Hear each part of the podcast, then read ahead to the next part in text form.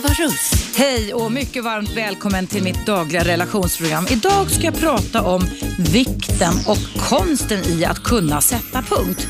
Jag fick inspiration till dagens ämne när jag läste vad Erik Hamrén, alltså förbundskaptenen för vårt landslag i fotboll som befinner sig i Ukraina just nu, eh, säger så här i Svenska Dagbladet går att efter förlusten mot Ukraina så säger Erik Hamrén att han gav spelarna ett dygn på sig för att sörja den första insatsen. Men från och med igår kväll tilläts inga sura miner. Och Det här tyckte jag var så lysande och bra framförallt också att eh, man skriver om i, i, i tidningen, nämligen för det här hur vi tänker kring olika typer av insatser och erfarenheter vi har varit med om har en avgörande betydelse för hur vi kommer att fungera och kunna relatera och kunna må i vårt dagliga liv. Jag hörde alldeles här nyss på nyheterna att man presenterade, vilket som stod också i tidningen idag, eller många tidningar idag, att eh, om man har bra konditionsvanor som ung så kan det motverka depressioner sådär 30-40 år efteråt. Hos män hade man gjort framförallt den här studien. Det var en svensk studie som presenteras just nu. Men jag skulle vilja säga att det faktiskt är exakt samma förhållanden som gäller om vi lär oss goda tankevanor. Därför att goda tankevanor leder oss på rätt spår i livet och hjälper oss att avhålla oss ifrån att hamna i ett ältande, ett idisslande som egentligen bara skapar både vidmakthållande men också skapar bitterhet, frustration och depressioner. Och Det kan ligga någonting i det som Gert sa när jag kom in inledningsvis i programmet här, att eh, vi kvinnor faktiskt enligt forskare har en tendens till att bli aningen mer ältande än vad män kan bli. Eh, och Det leder också till konklusionen kan man säga att vi kvinnor faktiskt kan eh, löpa större risk att hamna i en depression än vad män kan göra rent statistiskt sett.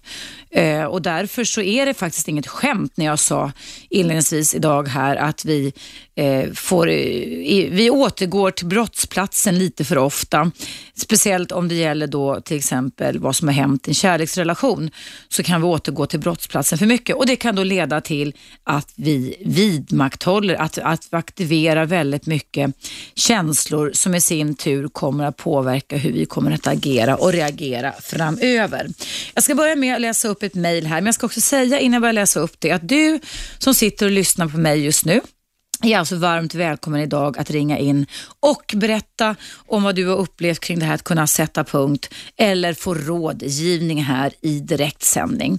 Numret till mig är som vanligt 0200 12 13 men du kan också göra som ett par har mejlat mig här och mejladressen är evaradio1 snabelaggmail.com. Ja, då ska jag läsa upp ett mejl ifrån Fredde. Det står så här. Hej Eva, har nyligen börjat lyssna på Radio 1. Vilken fantastisk kanal. Gillar speciellt dina program. Tack Fredde, det är alltid roligt med återkoppling. Och Sen fortsätter Fredde så här. Du pratar ibland om att allt går att förändra, men jag känner mig låst i mina tankar. Min stora kärlek lämnade mig för en annan man och jag kan inte släppa det och gå vidare. Hon är ständigt i mina tankar. Jag drömmer mardrömmar om henne tillsammans med sin nya kille och är alltid orolig att vi ska stöta på varandra på stan när jag är ute. Jag ältar varför och vad jag kunde gjort annorlunda. Mina vänner orkar snart inte lyssna mer. Hur kommer jag vidare? Jag är bara 30 år och har ju många chanser att träffa någon ny om jag bara kan släppa min före detta. Hoppas du läser upp detta. Tack. Hälsningar Fredde. Ja Fredde, jag hoppas att du lyssnar på det här och kanske du som inte heter Fredde utan heter något helt annat namn eh, kan lyssna på det här med. För det här tror jag är det som Fredde mejlar om, en väldigt klassisk eh, mental och känslomässig låsning. Som om man inte ger akt på den och börjar tampas emot den och sätta punkt för den faktiskt kan leda till väldigt mycket känslomässigt lidande. Och Det Fredde beskriver i sitt mejl att han gör, han säger att han känner sig låst i sina tankar. Det skulle jag vilja säga beror på att han just nu har tränat sig så bra på att gå tillbaka till brottsplatsen. Han eh, aktiverar sina tankar genom att han skriver att han ständigt tänker på sitt ex. Eh, och när han drömmer mardrömmar om henne så beror det faktiskt på det att drömmen, drömmarna vi har när vi sover säger man enligt eh, eh professor Åkerstedt på, på Karolinska som är sömnforskare beror på att vi drömmer om sånt som har inträffat de färskaste, alltså, alltså närmast i alla fall 24 timmarna. Det är vad man tror, att det kan handla om något som har rört sig i vårt huvud. Så där kan man ju se en ganska tydlig röd tråd, en rak linje mellan orsak och verkan, trigger och utlösning kan man säga. Nämligen den att om man går och tänker väldigt mycket på det här sitt ex som Fredde gör så är det ganska självklart nästan att du undkommer inte exet i sömnen eller i drömmen heller. Så det hänger ihop och eh, det här har lett till då att Fredde också har börjat vara orolig och det innebär då att han går och tänker tänk om utifall att-tankar. Eh, det innebär att han är, är i ett ganska aktiverat tillstånd där det handlar både om lite faratänk och rädsla men också ångest givetvis. Ångest över att inte kunna släppa det här. Och Jag skulle vilja säga då till Fred och du som lyssnar på mig just nu och som kan känna igen i det här att vad man får göra, det är precis som Erik Hamrén sa som gäller svenska landslaget. Man får öva sig i att sätta punkt. Men ibland kan man inte sätta punkt förrän man upplever att man har ältat klart det. Och Då får man sätta igång och göra en massa olika tekniker som jag ska berätta om här nu för att kunna sätta punkt. Ja, vad jag skulle rekommendera Fredde till då, det är då att sluta med att älta varför det tog slut och så vidare och vad han kunde gjort annorlunda eftersom han inte kommer någon vart. Han har alltså hamnat i någon slags återvändsgränd med sig själv rent tanke och känslomässigt. Eh, ältande vidmakthåller. Ältar man för mycket eller ältar vi för mycket så blir vi som kossor med, utan att vi skiter ut det. Utan alltså, kossorna har ju fyra magar där de till, slit, till slut skiter ut det som de har tuggat i sig. Men det gör inte vi som ältar utan vi behåller det inom oss och eh, fortsätter att älta och det tar väldigt mycket tid, det tar mycket tankekraft och det aktiverar våra känslor. Så vad jag tycker att Fredde ska göra det är det att summera istället för att älta och fråga sig varför tog det slut eh, som leder in till en massa därför-svar och som leder till en väldig massa dåliga tankesnurror för hans eget vidkommande så tycker jag att han ett ska sluta prata med sina vänner om det här. Det måste finnas andra samtalsämnen som Fredrik kan ha, alltså nu och framåt gäller inte då. Droppa det här eh, inför ex-snackförbud tycker jag med dina vänner. Ni ska prata om roliga saker, alltså aktivera andra känslor. Så att eh, från och med nu så ska du inte, du har pratat klart med dina vänner. Det är regel nummer ett, eller råd nummer ett jag vill ge Fredde. Ni ska prata om roliga saker, vad ni kan göra sommar, vad ni har upplevt som är skoj, som är alltså motsatsen till det här ältandet. Sen tycker jag att du Fredde ska ta och dra en egen konklusion. Alltså, och, och, och för det, det, låter som, och det är ganska mänskligt, icke förty, men det är inte något bra sätt. Det låter som att du Fred lägger skulden på dig själv. Alltså att du går och ältar och relaterar allting kring dig själv. Vad kunde jag gjort bättre och varför var jag inte så mycket värd för att jag blev lämnad? Och Jag vet att det är många som gör det, men varför inte eh, lägga skulden på henne istället? Ditt ex har ju faktiskt lämnat dig för en annan man. Vad tycker du om det? Vad tycker du om det beteendet? Hur kan du sätta en etikett på hennes beteende istället för att gå in och börja sätta etiketter på dig själv och leta fel hos dig själv. Jag menar helt enkelt inte, det handlar inte om någon projektion utan det handlar om en tolkning som du kan göra och det är ju en sanning också att hon har lämnat dig för en annan man. Vad tycker du om det? Vad, efter allting som du och hon hade tillsammans. Och När du har kommit fram till vad du tycker om det så är det den sanningen du ska ta i ditt huvud varje gång som dina tankar börjar fara in. För nu har du övat upp den här förmågan till att ständigt tänka på ditt ex och älta det här. Då ska du komma fram till vad har jag kommit fram till kring det här? Vad tycker jag om mitt ex beteende? Och sen punkt.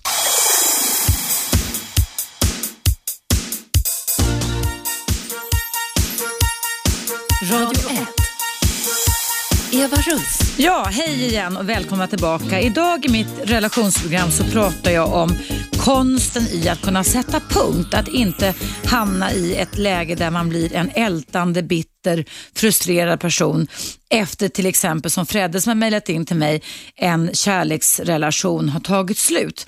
Och jag håller just nu då på att ge Fredde som har mejlat mig, som blev lämnad av sitt livs stora kärlek för en annan man, råd kring hur han ska kunna komma ur den här tanke och känslomässiga blockeringen eller, eller låsningen.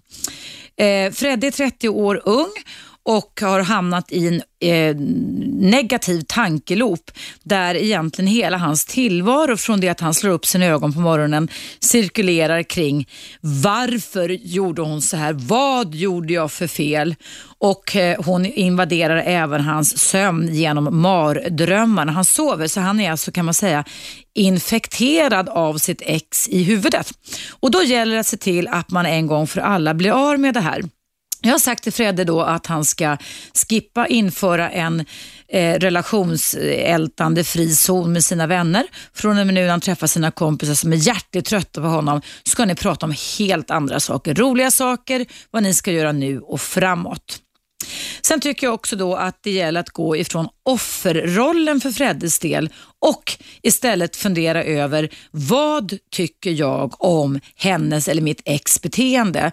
Vad tycker jag om en person som i en relation inte berättar sitt innersta för mig utan plötsligt drar iväg med en annan man framför näsan för mig? Vad tycker jag om det? Vad kan jag själv dra för slutsatser om vad mitt ex eller hur mitt ex fungerade? Och vitsen och vinsten med att man ställer sig den typen av frågor istället för att ställa varför-frågor till sig själv. Vet du vad det är? Jo, det är det att då går du bort ifrån dig själv. Och ju mer du går bort ifrån den här aktiveringen i kroppen och i knoppen för den delen, så har du lättare att kunna föra in nya tanketeman i huvudet. Sen kan man också göra så att man använder det som man inom min värld, KBT-världen, alltså den kognitiva beteendeterapeutiska världen, konstruerar dig ett så kallat flashkort. Och flashkort, det är som du tänker dig en liten lapp. Den kan vara ungefär så stor av praktiska skäl som ett vanligt visitkort som de flesta människor tar emot eller bär med sig. Och på det tomma då kortet då, som man kan tillverka av en liten pappersbit och ha i fickan, alltså som man alltid har med sig den eller i plånboken, så skriver man ner sina nya insikter. Och Fredde då, som har svårt att släppa sitt ex, skulle alltså då kunna skriva så här, eh, jag har bestämt mig för vad jag tycker om mitt ex beteende, nu sätter jag punkt. Punkt. Så att varje gång som det flashar de här negativa tankarna, alltså Freddes tankar börjar vandra iväg mot eh, varför och, och, han tänker på allt elände som hans ex åsamkade honom, så kan han alltså ta upp det här kortet och läsa på det, ge sig själv en tankemässig instruktion. Och jag lovar för dig kära lyssnare, det är en jätte jättebra metod. Det är faktiskt en av de bästa innovationerna i terapivärlden, måste jag faktiskt säga. Skriv en instruktion till dig själv. Du kan ha två, tre, fyra stycken flashkort i fickan som du tar upp och tittar på och läser en instruktion på i stunden när tankar och känslor drar igång för mycket. Det var det tredje rådet till, till Fredde. Sen tycker jag också då att Eh, givetvis så kan man också aktivera sig själv och sörja klart. Jag kan berätta för dig som lyssnar att jag har ju jobbat innan jag blev känd som relationsexpert för tio år sedan nästan 20 år inom svensk idrott. Jag har då varit psykolog och coach åt 17 svenska idrottslandslag.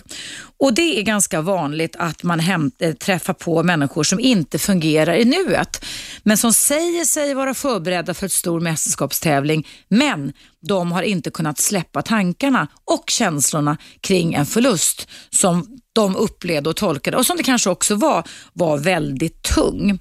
Jag träffade till exempel en kille som var med i skidskyttelandslaget 94. Jag jobbade med dem 94-95 eh, som eh, psykolog som Eh, hade ett eh, eh gammalt, eh, om det var VM eller OS-fiasko, det kommer jag inte riktigt ihåg vad det var, en jättestor mästerskapstävling inom sig som liksom silade igenom all hans tänk, all hans varseblivning. Så att även om han gjorde som tränaren sa och sa jajamensan nu ska jag skjuta, nu ska jag åka skidor, så var nästan precis som Fredde som mejlade mig, att han tänkte på det här fiaskot hela tiden, men liksom låtsades att allting var okej. Okay. Men det syntes ju då i åkresultaten och i skjutresultaten. Och när jag fick klart för mig att det här fiaskot egentligen inte var sörjt klart, då fick han i hemuppgift av mig att under en tidsbegränsad period, precis som Erik Hamrén sa nu om eh, det här landslaget, de fick sörja 24 timmar förlusten mot Ukraina, svenskarna, att åk hem där du bor och sätt av en helg, för nu ska det jäklar i mig sörjas som bara den. Och Den här skidskytten han tyckte att det lät jättekonstigt, men jag sa det är det enda alternativet vi har. Nu ska du gå in i det här ordentligt. Du ska inte göra någonting annat än att penetrera, eh, alltså inte penetrera, men penetrera tankarna, penetrera det här eh, fiaskot, alltså titta på det ur alla möjliga synvinklar så att du på söndagskvällen, jag tror vi bestämde något klockslag, känner att nej nu, nu, nu kan jag inte plocka fram några mer känslor kring det här. Uh, han fick uppgift att skriva tankedagbok och det är också ett verktyg inom den kognitiva världen. Att man alltså tar fram en bok som är tom, alltså där man tar fram papper och penna och så sätter man sig timme ut och timme in och skriver av sig. Och Det är faktiskt också vetenskapligt bevisat att det, blir en, det sker en slags tömning av det här så kallade nästan känslomässiga blåmärket som man kan få när man har, inte kan eh, sätta punkt utan när man fastnar kvar i ett gammalt trauma, en gammal upplevd förlust av något slag så kan det alltså bli en tömningsfunktion där. Så att skriv, skriv, skriv. Det finns också vetenskaplig evidens för att om man skriver 30 minuter om dagen i två veckors tid så kan man till och med häva en enklare depression. Sen behöver man göra andra saker med, men det är alltså väldigt bra teknik tillsammans då med flashcard. Men den här skytten i alla fall, han fick i uppgift att sörja klart alltså nästan också gråta, alltså försöka gå in i sina emotionella minnen så mycket så att han fällde tårar. Men en viss tidpunkt då var det klart så att säga. Och eh, Då fick han också uppgift att bränna skiten, alltså att bränna alla sina anteckningar för att liksom verkligen sätta punkt. Och Det här kanske du tycker låter som en jättekonstig och oprofessionell intervention hos en så pass bevandrad och välutbildad person som mig. Men jag kan tala om för er att jag känner till jättemånga världsledande psykiatriker och eh, psykoterapeuter som har den tekniken. Så jag känner till en man som heter Brian Rowett som är framgångsrik psykiatriker, skrivit flera böcker i England, i Storbritannien, som har, som han berättat, en stor bowl på sin mottagning där han lär patienten att bränna upp skiten. Alltså, när man har skrivit ner alla sina anteckningar och klar med det så ska det förintas, utplånas och det blir också då en tankemässig förintelse förintning också kan man säga, en utplåning. Så tillbaka då till Fredde. Så att Fredde skulle kunna göra så då, eh, eh, införa en ex-frizon med sina vänner dra egna slutsatser och liksom eh, istället för att fokusera på sig själv och skapa offerroll, tänka på vad tycker jag om att min ex gjorde så här mot mig. Skriva flashkort, sörja klart, skriva en tankedagbok, men också precis som Erik Hamrén har sagt, sätt ett datum och ett klockslag när detta är klart. Och efter det, när man väl har kommit fram dit, då gäller det att varje minsta lilla sekund och minut och timme när man märker, för det är ett vanetänkande det här, att tankarna vandrar iväg i en viss riktning, då ska man använda sina insikter och sina verktyg. Då rycker man upp sitt flashkort och säger så här, jag har ältat klart, punkt kan man skriva. Nu har jag ältat klart det här, punkt. Nu tänker jag på någonting annat. Man kan skriva på ett annat flashkort, nu hittar jag på lite fritt där man kan skriva så här, eh, dåtiden är redan avklarad, nu fokuserar jag på nuet till exempel kan man skriva. Och Jag fick faktiskt, när jag själv gick i psykoterapi för många år sedan av en kognitiv beteendeterapeut, då fick jag ett flashkort, ett tomt visitkort i den storleken med bara en stor punkt på. Alltså bara en stor punkt på. Det stod inga ord och det funkade jättebra. Så du, du som lyssnar nu kan ju tillverka sådana här flashkort själv som du alltid bär med dig och rycker upp. Så fort du känner att din sinnesstämning eller tankar förändras så rycker du upp och läser den här instruktionen. Och även på ett sånt flashkort, det sista rådet till Fredde som mejlar in till mig här och som har svårt att släppa taget i tankarna om sitt ex, så kan man också öva på, sig på att omfokusera, alltså glömma bort kroppen. Eh, jag har sagt det förut, men jag kan säga det nu, att eh, på en av mina första tävlingar om idrotten, det var bågskyttetävlingar, mitt första landslag var bågskytte, så hjälpte jag en skytt som var flummig i tankarna och bara tänkte på gårdagens misslyckanden genom att mellan skotten, man tar ju en serie pilar man skjuter, eh, så fick han eh, bli pepprad med att eh, räkna flaggstänger, räkna bilar på parkeringen och lösa knasiga mattetal som jag själv inte hade någon aning om hur de skulle sluta. Och där stod jag och coachade honom, det var mitt första landslag 1981, för att han inte skulle ha en chans att låta de här invaderande negativa förlusttankarna invadera hans tankar och känslor. Och se han kom tillbaka på banan på nolltid.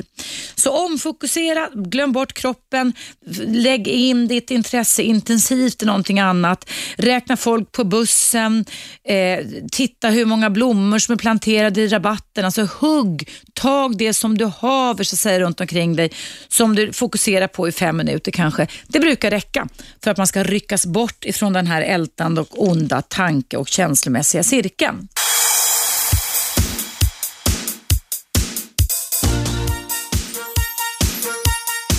Radio 1. Eva Russ. Hej och välkommen tillbaka. Idag i mitt relationsprogram så pratar jag om vikten och konsten i att kunna sätta punkt.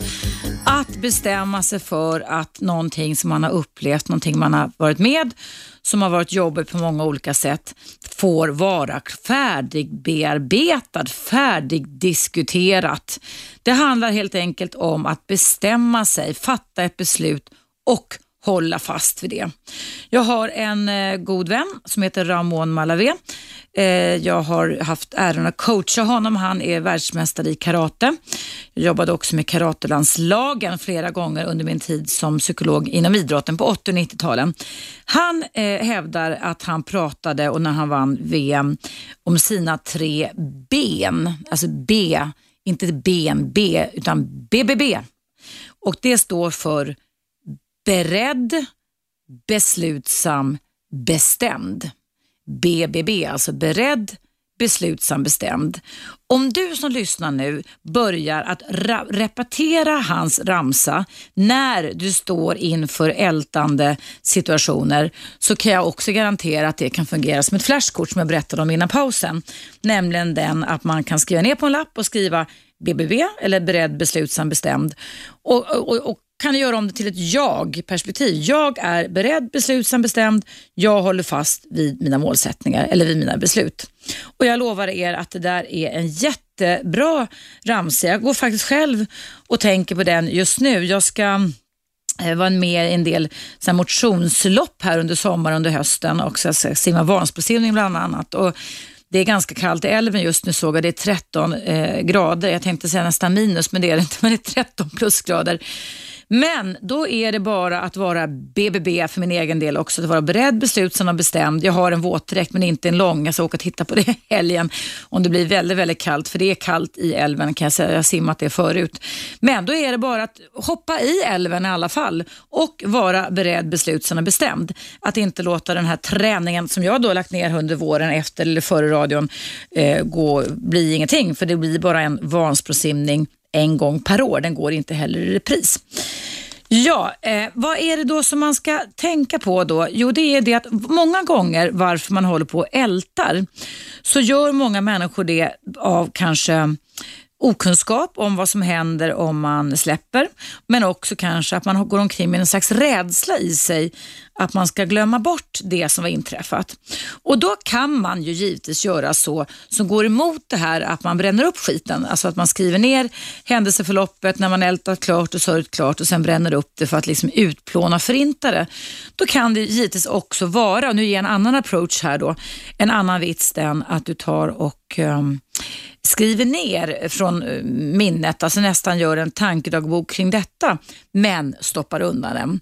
Så att du liksom kommer ihåg detaljerna, vändningarna. Du kanske ska skriva en bok om det, göra filmmanus eller berätta för dina barn eller barnbarn, inte vet jag. Och då kan det givetvis vara bra att ha det. Men det viktiga är ändå den här symbolhandlingen, att själen, att tanken, att hjärnan tar in, att frontalloberna tar in att nu är detta borta. För det är det vi måste träna oss på eftersom det kan störa och förstöra så extremt mycket när vi håller fast vid saker som redan har inträffat. Och det är också ett faktum, tänk på det här, att vi kan inte lösa sånt som redan har inträffat. Vi måste ställa oss frågan den, kan jag lösa det som har inträffat?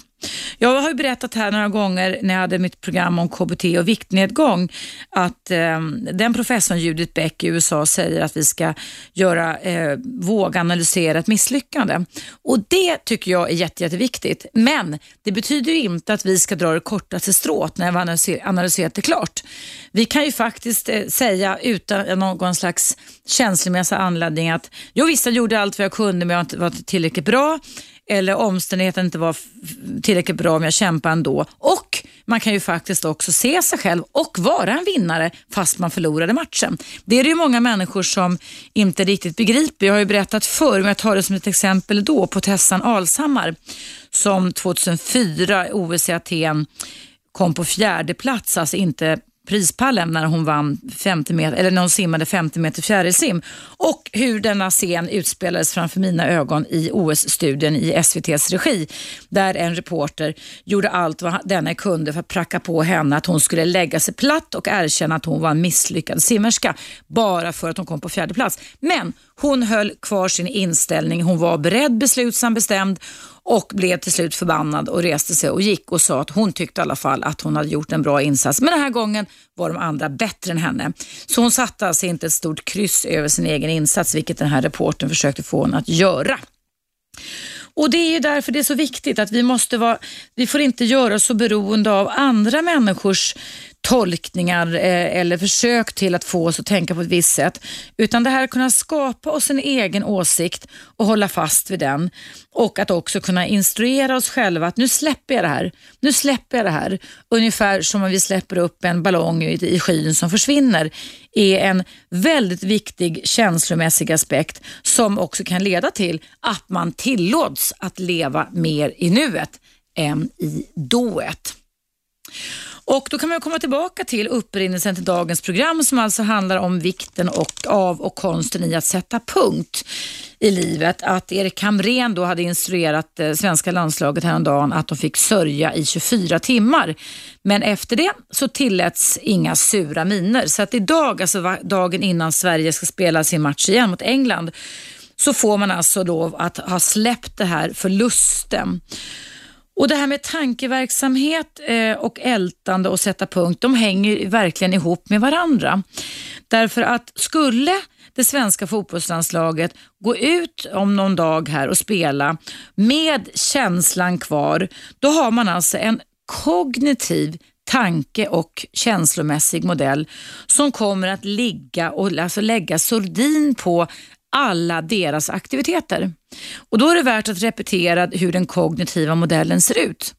Den bygger på att våra tankar påverkar våra känslor. Och Tankar och känslor skapar eh, inre bilder och också förväntningar om olika saker och ting. Så det påverkar också vår varseblivning. Och Våra tankar och våra känslor och våra inre bilder som blir till förväntningar, de producerar vilka beteenden vi, får, vi tar till. Så självklart är det så att om man går in på planen med en defensiv inställning eller en förlorarattityd och där man går omkring och bär känsla och tankemässigt på det man inte lyckades så bra med häromdagen i svenska fotbollssammanhang just nu eftersom vi spelar i EM så eh, har det alltså en otrolig inverkan på prestationerna. Eh, det är ju samma, eh, kan man säga, problematik eller möjlighet. Om vi, det är två sidor av samma mynt. Nämligen det här som är klassiskt inom idrotten, nämligen bortaplan och hemmaplansproblematiken.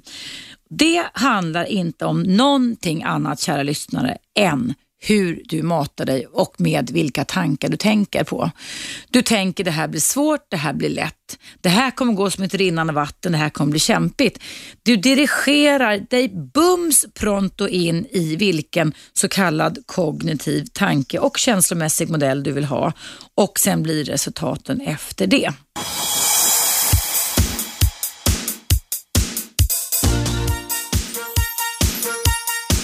Radio Eva Russ. Välkommen tillbaka. Idag i mitt relationsprogram som sänds direkt så pratar jag om vikten av och konsten i att kunna sätta punkt. Jag fick inspirationen till ämnet idag utifrån vad Erik Hamrén, alltså vår förbundskapten för svenska fotbollslandslaget, sa efter att Sverige hade haft sin första match och fick, åkte på en förlust mot värdlandet Ukraina. Att de fick sörja i 24 timmar och sen efter det så var det förbjudet. Kan man verkligen förbjuda vissa tankar? Ja, man kan träna sig på det. Man kan träna sig på det och säga, de här vill jag inte ha, bort med dig. Och Jag sa innan pausen också att det är ett, ett för, förbannelse kan man säga och ett fenomen just inte minst inom idrotten om bortaplan och hemmaplans problematik. Och Det handlar faktiskt bara om hur vi använder och vilka tankar vi tillåter komma upp och vilka tankar vi inte till, till, tillåter komma upp. Jag hade ju häromdagen ett eh, program om sällskap. och eh, när jag gjorde min forskning kring singlar så var det två stycken tjejer, det här är 12 år sedan, som ingick i min forskningsstudie som alltså kände sig ofrivilligt, de var ofrivilliga singlar och ville komma loss ur det, som inte hade några som helst problem alls när de åkte till ett annat land i Europa. Men i Sverige så var det tji och det var lite samma sak, samma fenomen som inom idrotten, att bortaplan och hemmaplansproblematik. Och det var ju inte så att de här tjejerna i min studio ändrade sig på något sätt, utan det var det att de ändrade sina tankar om förutsättningarna, förväntningarna, möjligheterna i det landet de kom. Jag tror att det var Spanien eller England och, och Italien, något av de här länderna. Eller alla, alla tre kanske de åkte, åkte till. Eh, och där var det inga problem att dejta killar och ta emot uppmärksamhet och komplimanger och så. Så det här med bortaplan och hemmaplan, det är en magi. Man kan säga att det är en själens voodoo. För vi kan alltså påverka väldigt, väldigt, väldigt mycket med hur vi tänker kring olika saker. Och är det då så att vi har svårt att sätta punkt så är det ju så alltså att ältandet vidmakthåller och sitter recension och idisslar och idisslar och idisslar alla tänkbara upplevda och kanske även faktiska nederlag, ja, då är man nästan lite lost i sig själv, i sin tanke och känslomässiga modell. Och Då gäller det att kunna bestämma sig för att man sätter punkt och håller fast vid det. Men innan man sätter punkt kanske man vill bearbeta det ordentligt en gång för alla. Dra ut vissa kvitton, skriva sitt livs historia, eh, dra egna slutsatser som är mer till sin egen fördel och sen lägga undan det här eller bränna upp skiten också. kan man göra så att man en gång för alla lämnar det här. Och Men sen då när tankarna i vardagen plötsligt ibland anfaller en och man tänker sig, ja men nu tänker jag på det här ändå. Det är då man ska ta fram sitt flashcard, det här lilla kortet man bär med sig i fickan och säga, jag har bestämt mig för att släppa det här, nu släpper jag det här, nu tänker jag framåt istället. Så det gäller att träna dig själv i varje liten enskild tanke, minut eller sekund på att vad ska jag, om, vad ska jag rikta mina tankar mot istället för det jag riktar dem mot just exakt just nu. Och Varför du gör det här det är därför att övning ger färdighet. Så på samma sätt som man kan skaffa sig en depression och man kan bli en bitter människa, en frustrerad, en eh, ja, verkligt bitter människa av att älta någonting som redan är avklarat och som man inte kan påverka som också kan leda till att man blir nedstämd och det i sin tur kan leda till att man blir deprimerad, så kan man alltså fylla sig själv eh, med andra typer av tankar. När man är deprimerad som exempel så tänker man ju väldigt, alltså varseblivningen är ju väldigt mycket färgad av negativa tankar och negativa känslor om mig själv, andra och framtiden. Men det går ju att bota med KBT-terapi faktiskt väldigt, väldigt bra. Depression är faktiskt den psykiska sjukdom som det forskades på som gjorde att man fick fram KBT som teknik och som vetenskap på 60-talet i USA. Mm. Så att det gäller alltså att skapa sig övning i att nu har jag tänkt på ett visst sätt och det var inte bra för mig. Nu ska jag börja tänka på ett annat sätt. Och Övning ger färdighet så tillvida att om du känner att du har svårt att sätta punkt men vill sätta punkt en gång för alla för olika känslomässiga och faktiska upplevelser som du varit med om då är det så att om du övar dig varje enskild sekund och minut, säg under en veckas tid eller två veckors tid, med de eh, verktyg som jag har gett dig här idag eh, så kan du alltså sen sätta punkt bara genom att det sker automatiskt. Det blir alltså ett automatiserat svar inom dig. Eh, du har lärt dig ny, ett nytt sätt helt enkelt. Så du ska ju inte för resten av ditt liv vara tvungen att gå omkring med massa kort och, och hålla på och skriva tankar i bok. Men det är ett sätt att komma över den här vallen så att man blir klar med det. Och Jag tror att det var det Erik Hamrén menade för det svenska fotbollslandslaget som spelar i Ukraina nu då och åkte på en förlust att eh, älta klart, sök felen, dra egna slutsatser och inte minst fråga dig själv. Och Det här är en jätte, jätteviktig fråga. Kom ihåg den här frågan nu. Det är vad specifikt har jag lärt mig av det inträffade? Jag upprepar, vad specifikt har jag lärt mig av det inträffade? Och det kan man sen ta och skriva ner på en lapp. Jag har lärt mig det här och det kan ju också leda till att jag får en ny instruktion till mig själv. Därför ska jag undvika det här eller den typen av människor eller den typen av situationer. Men jag ska göra så här istället. Och Därför så är det viktigt att tillsammans med att man sörjer en förlust också alltså ägna tankeverksamhet åt det så att man aldrig, så man bygger upp en kunskap kring vad ska jag göra istället. Och vad jag ska göra och hur jag ska göra, alltså vad och hur-frågor, de används jätteofta i min värld, KBT-världen. Och de är så bra därför att de undviker att man klampar in i den här negativa tanke och känslospiralen. För det gör man jättelätt och jättefort om man tänker varför-frågor. Om du tänker efter på alla varför-frågor du ställer dig så kan det bli en väldig massa därför-svar. Varför, därför, varför, därför, varför, därför. Och Det brukar oftast leda till en negativ loop där, som kan alltså leda till att det vidmakthåller ältandet. Så därför så är det viktigt alltså att fokusera på vad kan jag göra? Hur kan jag göra det? Vad kan jag göra för att släppa det? Vad kan jag skriva på min lilla, lilla flashkort som blir en instruktion om att jag är beredd, beslutsam och bestämd? Eller vad, hur ska min punkt se ut så att jag aldrig mer går tillbaka till det här igen? Och övning ger färdighet, så det handlar alltså om att träna in nya sätt. Och när du väl har fått igång det så kan det vara bra att emellanåt vakta lite dina tankar, alltså vakta dina tankar. Det är lite som med konditionsträning faktiskt, att att eh, man tränar och tränar kanske, du kanske joggar eller som jag simmar just nu eh, och i början är det jättesegt och man håller på och man håller på och det blir ingen bra. Men sen en vacker dag så har man kommit upp på steady state, det här tillståndet när allting liksom flyter och man kan säga till sig själv och andra att nu har jag märkt att jag fått motionen, konditionen tillbaka igen. Och, och då kan man ju ibland hoppa eh, högt och lägga sig lat ner och tycka att jajamensan, titta här vad jag är bra. Och om man då upphör med att träna, simma, cykla, springa, då går ju konditionen ner igen. Och Det är precis samma sak när vi pratar om våran tanke och känslomässiga eh, vårt, vårt tanke och känslomässiga samspel inom oss. Att när vi väl har övat och lärt in nya färdigheter så är det jätteviktigt att vi emellanåt i alla fall gör en liten, jag brukar säga det till mina klienter, en tankecheck. Att du gör en tankecheck och kollar, vänta, vänta, vänta nu, var befinner jag mig just nu? Håller jag på att glida tillbaka igen i det här som jag inte ville? Vad kan jag göra då? Hur ska jag tänka nu så att jag kommer ur denna negativa loop? Det är alltså jätteviktigt. Eh, och som sagt bortaplan, hemmaplan, vare sig det gäller singelskap eller relationer eller jobb för den delen. Det handlar bara om förväntningar. Eh, när det var OS i sommar-OS i Kina sist så var det ju så att värdnationen vann i princip nästan allting. Ja, varför det då? Jo, därför att de hade tränat på positiva tankar i kanske vad är det, åtta år tar det väl från det att man bli utsedd till värdnation till att eh, nationen, eh, att man har det här olympiska spelet.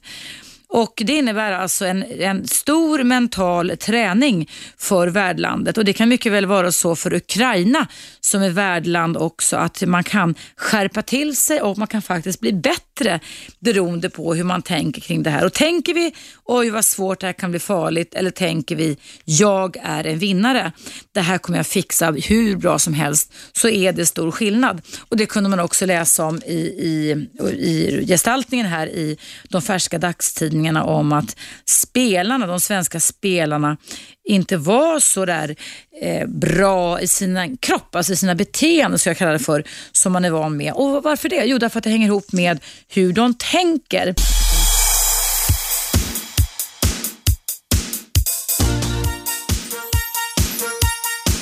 Radio 1. Eva Russ. Mycket välkommen tillbaka i mitt relationsprogram idag som går i direktsändning ända fram till klockan 12. Så pratar jag om vitsen och konsten i att kunna sätta punkt, att kunna sluta älta och börja leva. Och då ringde Lena in till mig i pausen. Hej Lena! Hej! Välkommen till mitt program. Tack. Berätta, berätta för mig vad du vill ha lite rådgivning kring. Jo, eh, det är så att eh, jag är 25 idag och eh, för många år sedan när jag var yngre så var jag nog av olika anledningar lite mer generös mot killar tror jag. Mm. Och eh, då, det, det har jag ju liksom, det beteendet har jag ändrat idag men jag går fortfarande och ältar de här sakerna som jag inte skulle ha gjort mot mig själv. Mm. Eh, och då, då går man ju mycket så här, men varför gjorde jag det? Ja, men det var säkert därför. Och, och så vill man liksom få slut på det här ältandet. Mm. Och liksom bara, ja. Är, det, är det vissa situationer det här ältandet dyker upp, Lena? Eh, alltså kan du vara fri eller invaderar det dig väldigt mycket, tycker du? Ehm, ja, inte, inte, inte så mycket som det kan kanske göra. Alltså det hindrar mig inte, men det gör mig liksom ledsen på något sätt. Och, Mm. och jag vill bli fri från det liksom. Jag vill eh, förlåta mig själv på något Jag sätt. förstår. Och du, när du, hur ofta är det som, ungefär sådär mellan tummen och pekfingret, som detta sker inom dig? Ehm, ja, det är säkert minst en gång i veckan kanske. Okej. Som jag Och, tänker på det. och, och är det någon specifik situation som detta triggas igång, ditt ältande?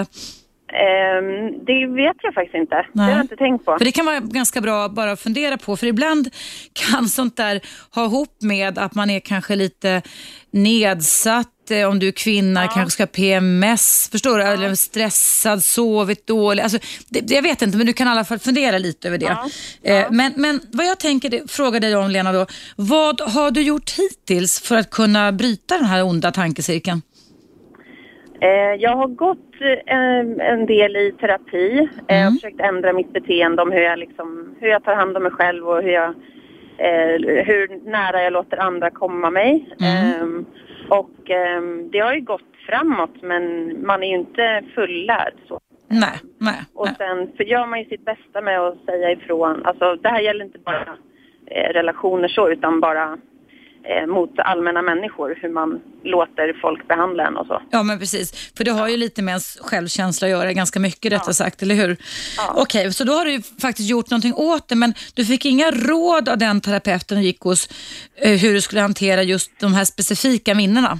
Nej, det, och det tror jag kanske inte att jag tog upp heller. Okej, På utan det, det kommer vart efter med åren också förstås, eller hur? Ja, ja. Nej, Lena, alltså vad, jag, vad jag tänker på, jag sitter och skriver och tänker eh, här just nu, det är då det att vad man som du säger att, jag kan, eh, att du, kan, du vill kunna leva med det va? och då tror jag att du skulle kunna angripa det på flera olika sätt. Alltså, dels eh, antingen då, som jag sa tidigare, den här Fredde som mejlade in, att man skulle kunna att du liksom gör en tillbakaanalys.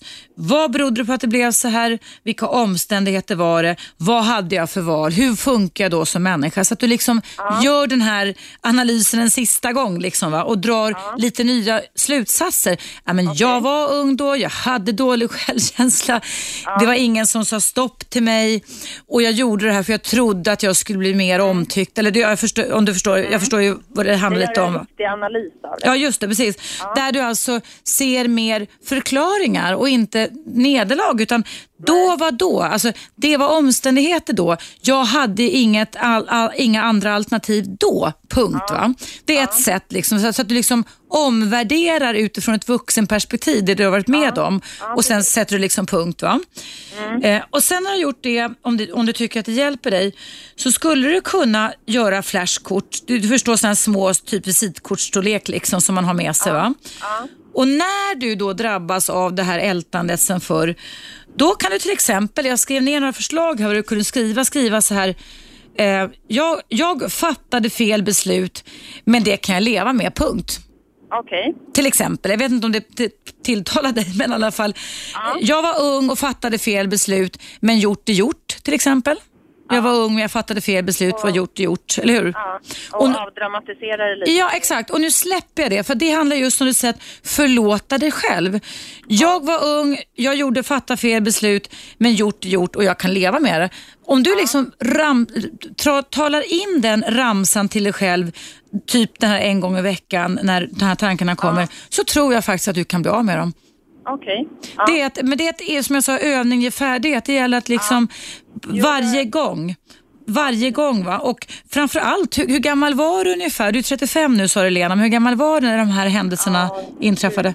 Ehm, Tonåring liksom eller? ka- kanske, ja, inte, ja, inte mer än 20, ja, nej inte mer än 20 tror jag. Nej. 18, 19 kanske. Ja, precis. Och, och då är man ju inte riktigt vuxen heller. Och Det är också ett perspektiv att, att jag var inte vuxen då.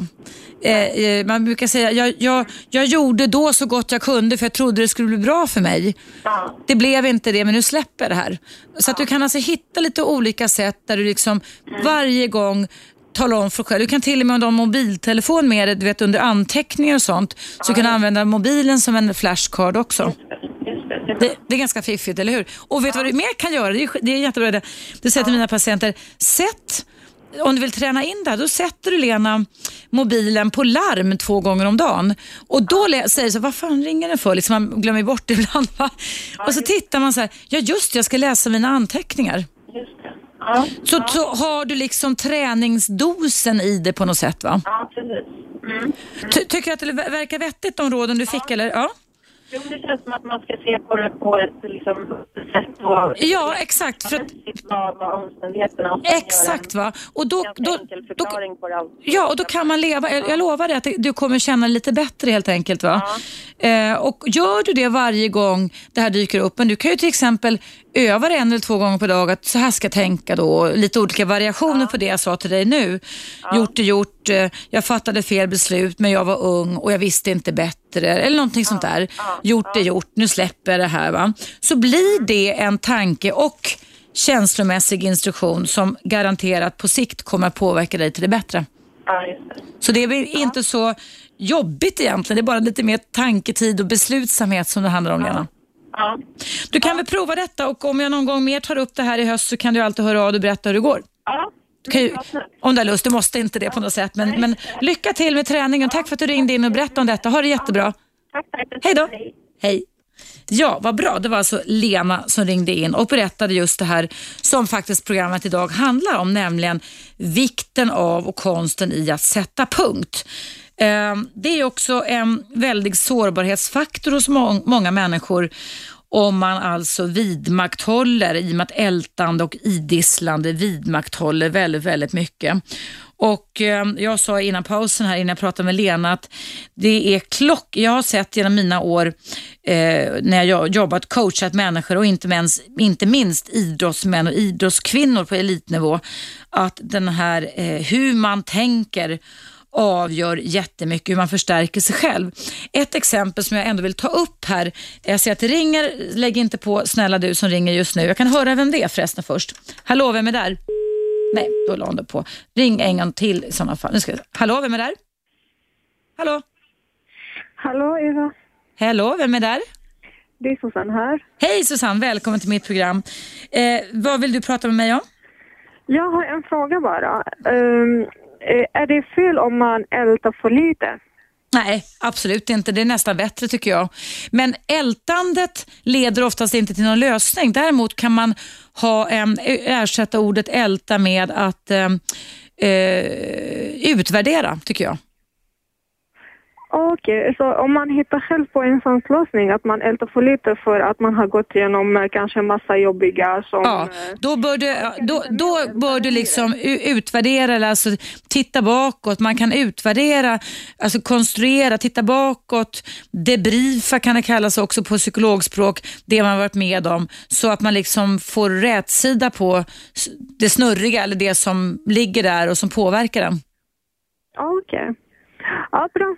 Räcker det? Jag Ta- på ditt program så tänkte jag, jag tänkte ju på det här, just den här frågan och så tänkte jag, Det var för lite kanske kan vara fel. Nej, alltså det, egentligen är det ju bättre. Ju mindre du ältar, desto mer, mer kraft och tankeenergi kan du ha i vardagen. Så det är bra att inte älta skulle jag vilja säga. Men, men, men att utvärdera vissa saker för att lära sig någonting av, alltså vad har jag lärt mig? Det kan vara bra emellanåt. Så det kan du ju fundera lite på i sådana fall. Men jag tycker att det låter friskt det du gör. Ja, Okej, jättebra. Tack snälla. mycket. Hej, hej, Tack, hej.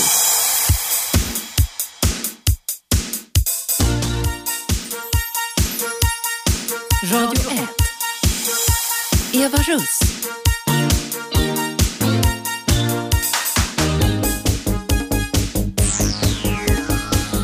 Ja, hej och varmt välkommen tillbaka. Idag i mitt direktsända relationsprogram så pratar jag om vikten av och konsten i att kunna sätta punkt. Och Jag hade tänkt berätta lite om hur jag, skulle, hur jag coachade det här volleybolllaget som då förstärkte sig själva negativt. Men då fick jag faktiskt ett samtal eh, ifrån en av våra lyssnare som heter Inger. Hallå Inger! Hallå? Hej, välkommen till mitt program. Vi kan väl bara berätta lite kort att du har pratat med mig i pausen här just nu. Och du var just nu inne på att du och din bror skulle hantera hur era gamla föräldrar som mm, levde i ett hus eh, utanför stan och, där det var det pappa som bröt lårbenshalsen. Men jag tänkte bara fråga, vad vill du ha hjälp med Inger kring detta? Jag vill sätta punkt. Jag får alltså ta det väldigt kort. För att äh, som det började, det var att äh, mamma och pappa skulle ta ut en slant till mig för jag, jag hade så dåligt med pengar. Och, och äh, då äh, var det ett jävla trappsteg där. Och du kan ju tänka dig själv när du tror att det går rakt fram. Fruktansvärt. Ja, men vet du, och hon ramlade och så- slog en kullerbytta. Och eh, då kom ambulansen naturligtvis. Men hon klarade det jättebra. Det var pappa, han var helt förtvivlad. Och, och de brydde sig inte om honom så han tog i bilen. Och eh, körde efter. Och, och, eh, sen, och jag var hemma och skulle göra lutfisk till mamma och pappa. Och jag hörde krasch sa det. Och, och han hade lyckats i alla fall ta sig hem. Jaha.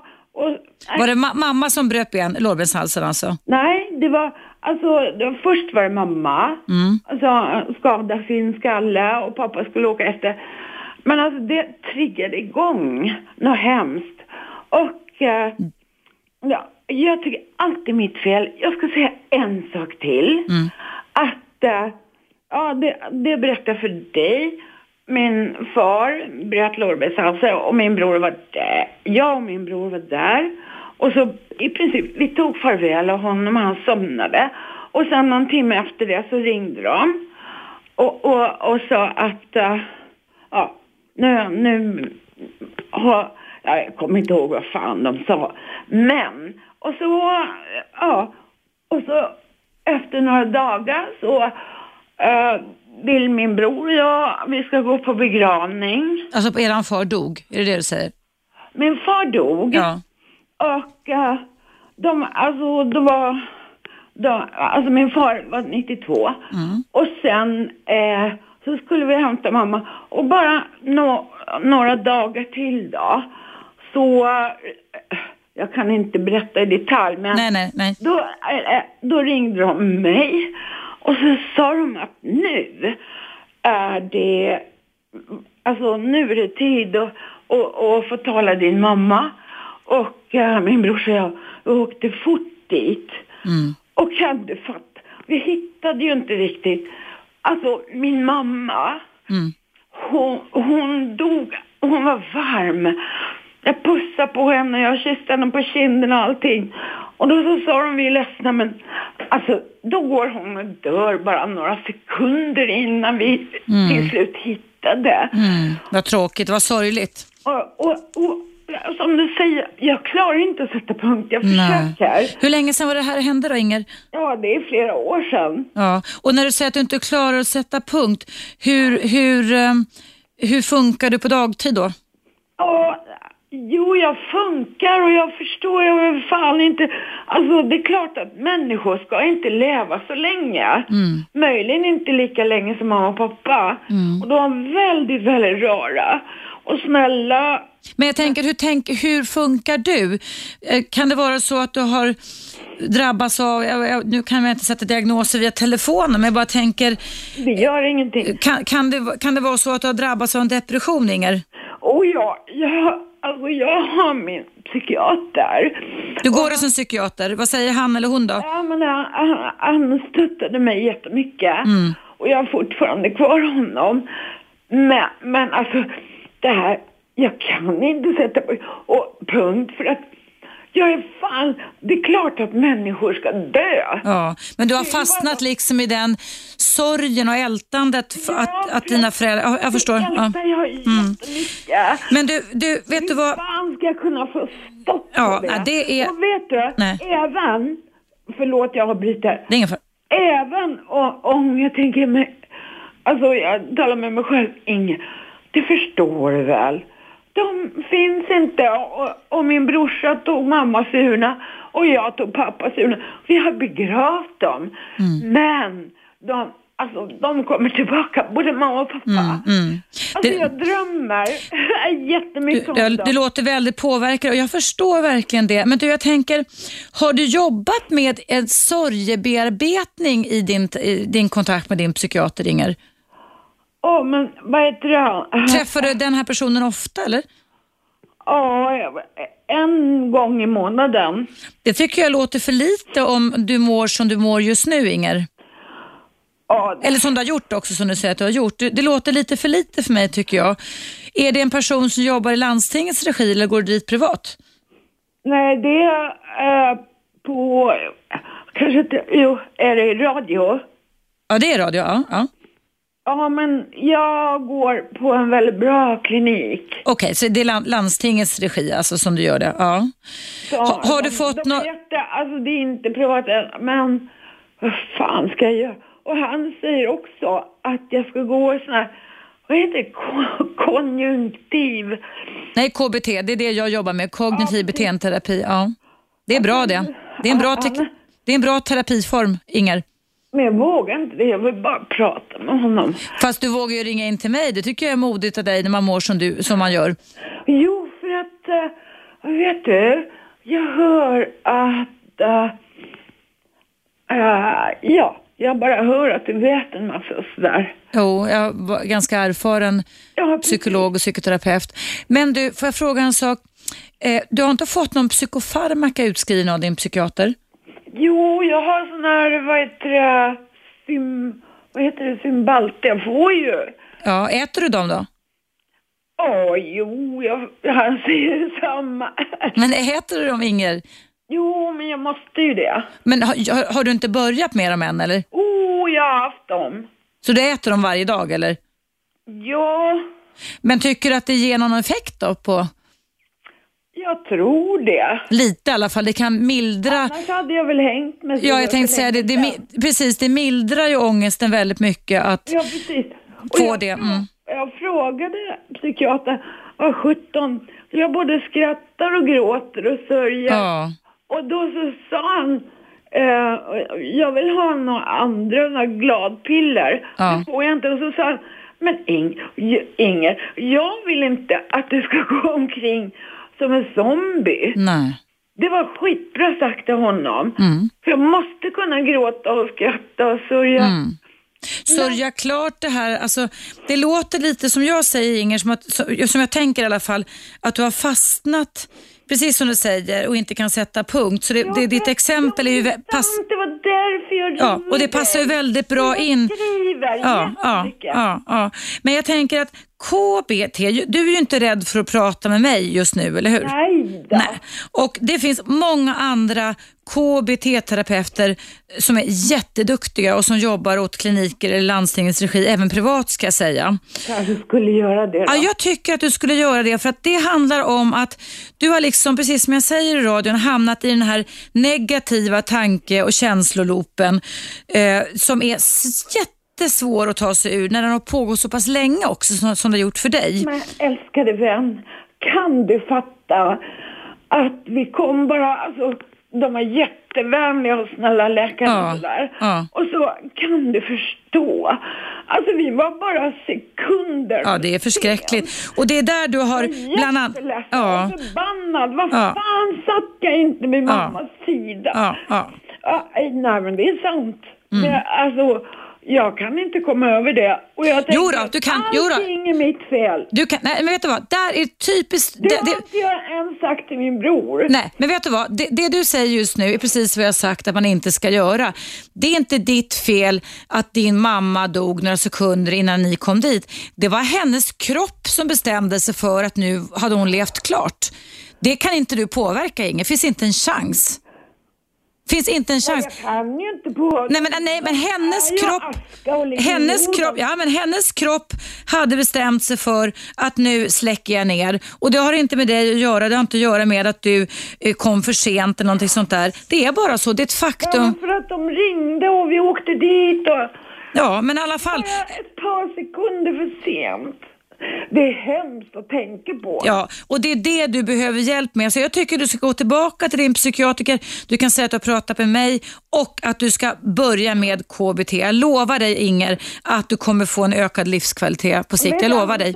Han säger också det. Mm. Att eh, alltså jag, han, är, han sa det kanske är bra om du får träffa någon, någon kvinnlig läkare. Men då tänkte jag, Det behöver det inte vara. Nej, det behöver, nej, det behöver inte. Man behöver inte i KBT. Ja, hon är det där på, Ja. på den här kliniken då. Mm. Nej, det- kan, vara, det kan vara en man eller kvinna, men du behöver hjälp Inger. Och gå dit, boka en tid så att du kommer ur den här onda tanke och känslocirkeln tycker jag. Ja, men jag försöker ju. Ja. Men det kommer ju tillbaka, jag drömmer. Ja, men det är därför du är så extremt påverkad av det. Du är extremt påverkad av jag är detta. gammal, jag är över 60 år. Ja, och det är just därför så ska du ha många, många år, bra, bra år kvar och inte sitta fast i den här sorg, sorge, sorg, starka sorgeloopen som du har hamnat i.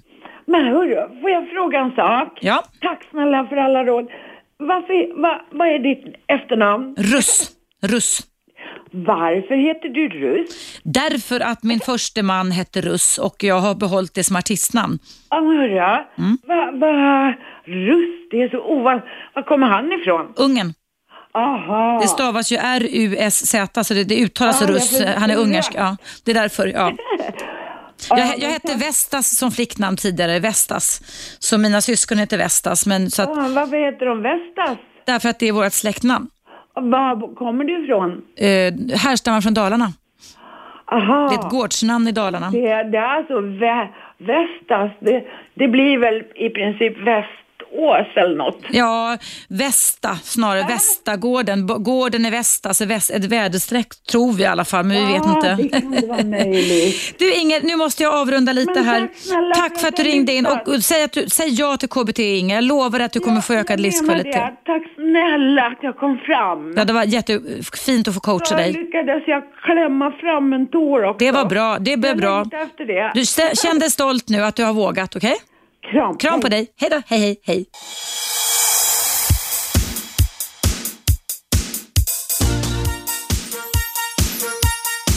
Radio 1.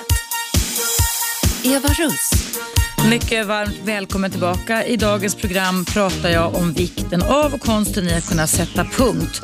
Och innan pausen så hade vi, om du lyssnar nu Inger, den modiga och tappra Inger som i flera års tid sedan föräldrarnas bortgång har lastat sig själv eh, för att de inte hann framförallt till mammans dödsbäddetid och eh, som har tidigare tackat nej till att gå i KBT. Men Inger var, eh, som jag bedömer i en så pass dålig psykisk kondition så att eh, det är bara Inger att knata iväg till din psykiatriker och säga ja tack, jag ska jobba med det här. För det går alltså att lära sig och inte minst då med kognitiv beteendeterapi att sätta punkt. Och eh, du som lyssnade på Inger så hörde ni ju hur dåligt hon mådde. Eh, att det här blir alltså en väldigt invaderande tankar som också, som hon sa, hon kände igen i mardrömmar och drömmar. Och eh, jag gjorde en bedömning att hon var, hade en depression fast jag inte träffat henne och det hade hon också och fick hjälp. Så så illa kan det bli när man kommer in i en dålig tankeloop. Nu ska vi se vem jag har på tråden. Hallå, vem är där?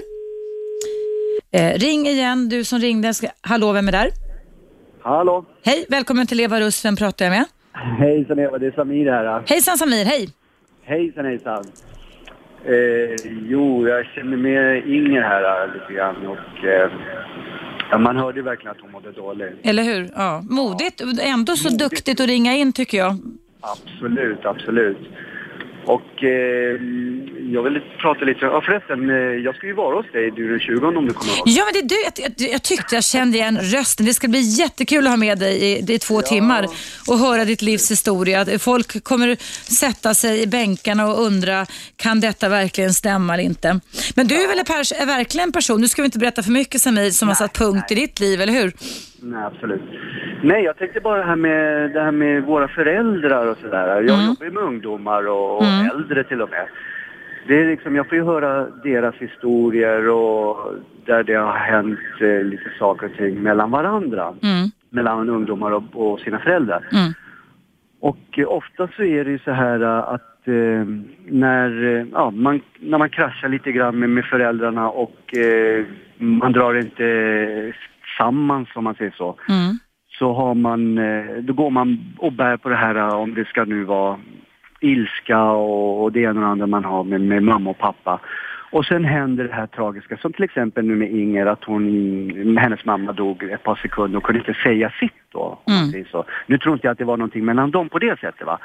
Men ofta så är det ju så att eh, när man har inte sagt det ena och andra och, och, och liksom kommit fram och kanske bett om förlåtelse om olika saker och man vill säga saker och ting till sin mamma och pappa. Varför har ni kanske gjort det här och varför blev jag utsatt för det här? Och, och eh, jag fick ju ett härligt avslut med min far, eh, även som det gick med, eller det som hände mellan mig och min pappa, mm, mm. så är det väldigt viktigt där med försoningen också och för att man ska kunna gå vidare i livet. Mm. Och, ta, och, tack vare det så kunde jag ju gå vidare. Så det hjälpte dig att sätta punkt om man ska säga så, Samir? Det hjälpte mig att sätta punkt liksom, och, och, och liksom att bearbeta hela den här processen, den här saken och det som hände mellan mig och min pappa. Så alltså din, du och din pappa, han pratade klart till punkt som man kan säga också innan ja, han gick bort? Absolut, och, och det jag vill uppmana liksom till alla andra här runt omkring, det är det här med att Eh, har ni någonting liksom, har ni blivit svikna av mamma och pappa eller om det är någonting så ta verkligen i akt och, och gå och hem till er mamma och pappa och eh, liksom och, det här har jag på mitt hjärta och det här vill jag lätta mig till er. Och om det är olika frågor varför det har eh, eh brytit mellan varandra. För att ofta så får jag höra med, med mina ungdomar och äldre ungdomar det, och alla människor som jag pratar med faktiskt att det är så att eh, det finns någonting mellan eh, den här besvikelsen som man får från mamma och pappa att eh, man, man blir inte klar där. Mm. Hur, tro, hur tror... också. Ja, men det, Samir, det, nu är det, det, är en konstig fråga för det är redan ja, gjort och gjort om man säger så. Frågan. Men om du inte hade hunnit göra upp med din pappa, hur hade ja. du löst det då, tror du? Alltså nu, nu har du redan gjort det, men jag bara tänker... Ja, jag kan ju säga så här, jag går i en sån drömkurs med Anders Karlberg som eh, startade Fryshuset. Mm. Eh, där fick jag faktiskt, eh, eh, där sitter vi och pratar om alla våra känslor och det vi har gått igenom med allt och alla. Så det är ju så här att jag fick den uppmaningen att familj, du kanske inte får den här bekräftelsen helt enkelt från din pappa. Mm. Eh, förvänta dig inte det, utan eh, prata med din far och kommer inte, kommer inte liksom i, i kontakt med varandra så så måste du liksom ta ditt liv och gå vidare. Mm. Och någonstans så fick jag hjälp med våran drömgrupp som vi har haft och då han har haft den nu i tio år. eh, Jag har varit där nu i tre år. Vad fint det låter tycker jag Samir. Ja. Mm. Och, eh, och eh, där fick jag liksom mod och, och tankar och, eh, och, och bara känna på den här känslan liksom. Vänta nu, ska jag, kan jag gå vidare verkligen? Även fast jag inte får den här bekräftelsen från min pappa att det, det, det han gjorde, det var fel. Mm. Och när du verkligen känner på den känslan och, och matar in dig i det och, och tänker så här, nej, det är sant faktiskt. Jag ska ha tillbaka mitt liv helt enkelt. För det är så lätt att man fastnar. Mm. Och, och så lägger man skuld till sig själv för att man har gjort olika saker och så att det, nej jag säger så här, har ni era eh, mamma och papper eller bror och syster om ni har så här små eh, bråk och ta er akt, åk över, ta med lite bulle och fika och så sätter ni ner och pratar och, och be om förlåtelse även fast det inte kanske eh, var ditt fel. Så ta det där eh, liksom det steget och be om förlåtelse, det kanske var mitt fel. Och så kanske det öppnas en liten dörr hos den andra personen. Mm, det, precis, att, när man inte, att man får ändra, ändra taktik om man säger så helt enkelt och se vad som händer då. Man, man mår inte bra Nej, det. men jag tänker att, att, att, att även om de som, precis som i Ingers fall, nu lät det inte som de hade någon knepig relation, men om man har haft en knepig relation till sina föräldrar och inte hinner sätta punkt och reda upp innan de dör, så är det ju fortfarande inte för sent för att man själv sätter punkt, eller hur? Absolut. Och det är det jag menar, att man funderar på vad tyckte jag, vad var styrkor, svagheter, att man kan göra en slags utvärdering av den relationen man hade med sin mamma eller pappa också utifrån sig själv och också utifrån hur man kan förstå hur de funkade helt enkelt. Absolut. Och Jag tror det är viktigt också att tänka att de allra, allra flesta föräldrar, ja, alla Samir, har inga onda avsikter egentligen. Va? Absolut. Inte ens din pappa hade någon ond avsikt, eller hur? Absolut, och det är där jag liksom eh, tänker på, på eh, jag har kommit till en annan nivå där jag säger så här, nej men vem är jag som ska döma min far? Mm. Han kanske hade någonting, han, det kanske har hänt någonting i hans tidigare liv, alltså när han var yngre och, och han har blivit påverkad av det där. Och Han kan säkert ha varit så. Vi kan ju bara säga till lyssnarna, eftersom du är med mig nästa vecka, att det din pappa gjorde, om vi nu ska säga att det inte var någon ond avsikt, det var att han fick skyllde på dig när du var 15 år. Ja. Att det var du som hade stuckit ihjäl din styvmor med 60 knivhugg när det själva verket var han. Och Det här är en sanslöst, makalös, hemsk men fantastisk historia som du ska, vi ska ägna två timmar åt nästa vecka, ett program. Du Samir, tack så jättemycket för dina goda råd. Det ska bli kul att träffa dig in real life också nästa vecka. Ha det bra så länge. ha det så bra. Tack för att du ringde in. Hej då. Hej.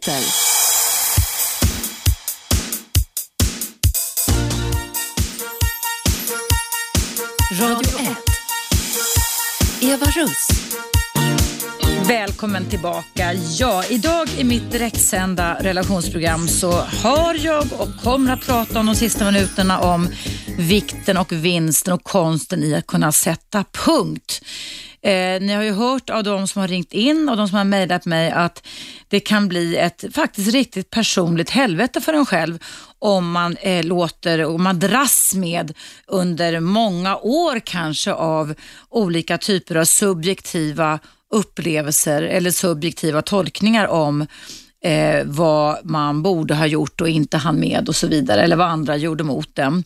Jag satt och funderade lite på mig själv här i stunden nu när jag har engagerat mig i er en stund och tänkte på det att eh, om jag skulle till exempel eh, minnas eh, lagra i min hjärna alla gånger när jag har misslyckats i kärlekslivet eller i arbetslivet då skulle jag vara ganska deprimerad faktiskt. Men det har liksom blivit en tankestil och det är det som jag vill förmedla till dig idag, att vi kan träna oss till, precis som vi kan träna upp konditionen till en bättre tankestil och beslutsstil och problemlösningsstil än den vi har lärt oss eller kanske i stunden tillgriper. Och Det handlar väldigt mycket också om vilka kvitton vi drar ut, vilka tolkningar vi gör, hur vi utvärderar och hur vi tillskriver oss själva problem eller möjligheter. Eh, för mitt eget vidkommande så har jag mer eller mindre, jag är 55 år gammal idag, faktiskt nästan utplånat ur min hjärna. Inte så att jag satt, satt igång med någon slags ritualer för det, men jag kommer inte ihåg alla gånger jag har misslyckats. Jag kommer inte ihåg, även om jag givetvis kommer ihåg dem, men jag bryr mig liksom inte om att tänka på det överhuvudtaget.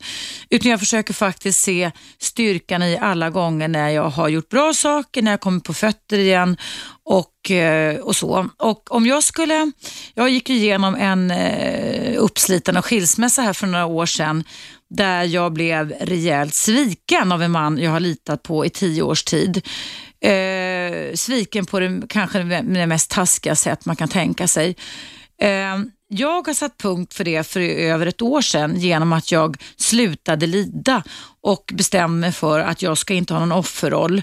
Eh, och idag när jag tänker tillbaka på det så har jag inga som helst problem att möta han och den kvinna han hade bakom ryggen på mig i fem års tid också på gatan. Eh, snarare att jag sträcker på ryggen och att jag eh, tänker på vad tycker jag om den här personens beteende? Vad tycker jag om en person som beter sig så illa som man beter sig mot mig? Vad tycker jag?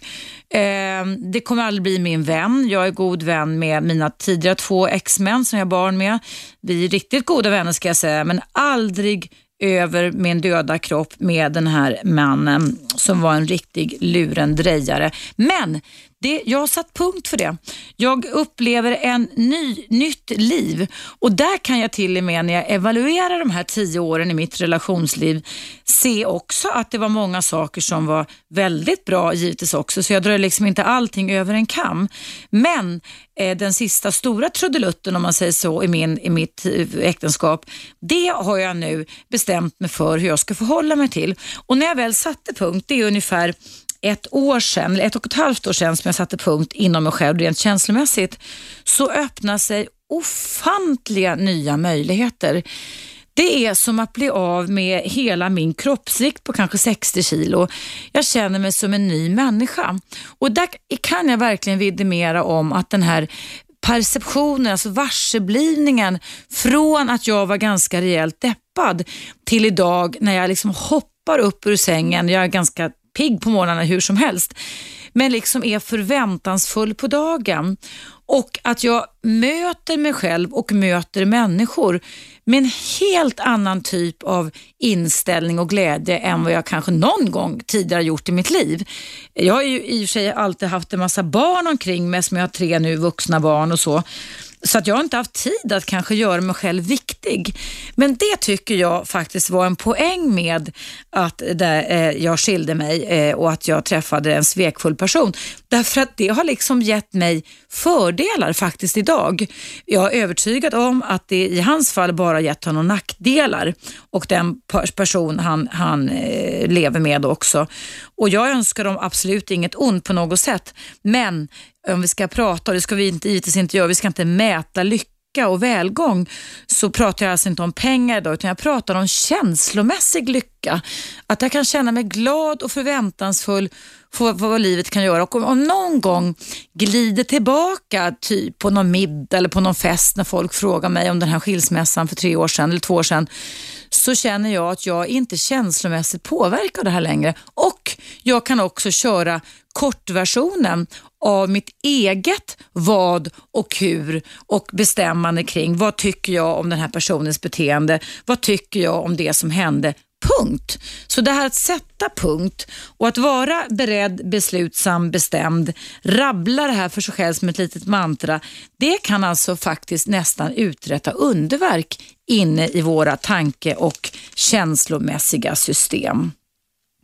Och Det gäller hur som helst också att se till att vi inte fastnar i känslor.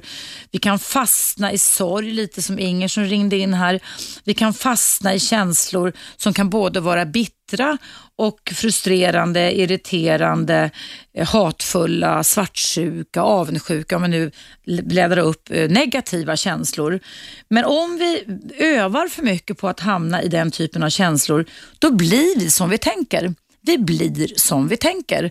För att tankar och känslor samverkar och är nästan som man kan säga siamestvillingar och kan leda till att när vi riktar tankarna mot fel saker, till exempel älta för mycket, inte kan sätta punkt och släppa taget om någonting, så kommer det ofelbart att aktivera våra känslor.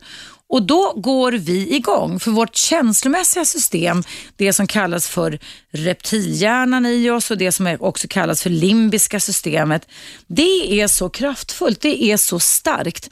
Så en liten millisekunds tanke om någonting som hände förr kan alltså väcka igång en storm av känslor hos vissa av oss. Inte hos alla, hos vissa av oss. Vi är olika känslomässigt programmerade, man kunna säga. Vi fungerar olika känslomässigt. En del lite mer svala, en del lite mer heta och så vidare. Och Det är en kombination av gener, det är en kombination av anknytning och det är en kombination av inlärning och uppfostran och sånt där. Så det kan vi inte ändra så mycket på. Men om det blir problem för oss i våran vardag att vi är för känslomässigt påverkade, att vi återgår till brottsplatsen för ofta, att vi inte kan släppa taget om någonting, att vi fylls till och med i drömmen av ältande av någonting som redan har inträffat, som vi faktiskt inte kan lösa. Vi kan inte väcka liv i Ingers mamma som dog några sekunder innan hon och hennes bror hann fram. Vi kan inte göra det som vi har gjort ogjort. Och Det är det väldigt viktigt att vi lägger till oss och det kan göra, om vi talar om för oss själva att gjort är gjort. Jag kan inte lösa det som redan har inträffat. Däremot kan jag lära mig någonting av det. Hur jag inte ska göra nästa gång eller vad jag ska göra nästa gång. Det kan bli en fantastisk inlärning i detta och det har jag också lärt mig ifrån mitt senaste äktenskap att eh, om jag kommer ha möjligheten att leva i en parrelation en vacker dag igen, vilket jag givetvis hoppas, så kommer jag givetvis aldrig någonsin mer, aldrig någonsin mer att eh, eh bete mig eller acceptera eller eh, förstå den typen av problematik som den här mannen jag var gift med presenterade för mig. För det har jag lärt mig att det leder ingen vart, det blir bara kaos och det blir ingenting bra, det föder inga goda känslor. Men i och med att jag satte punkt för det så känner jag att jag är som en pånyttfödd människa. Jag har fått en väldig kraft och energi när jag inte heller behöver gå och älta det som ju jag upplevde till att börja med som ett subjektivt misslyckande, att det här äktenskapet gick åt pipan.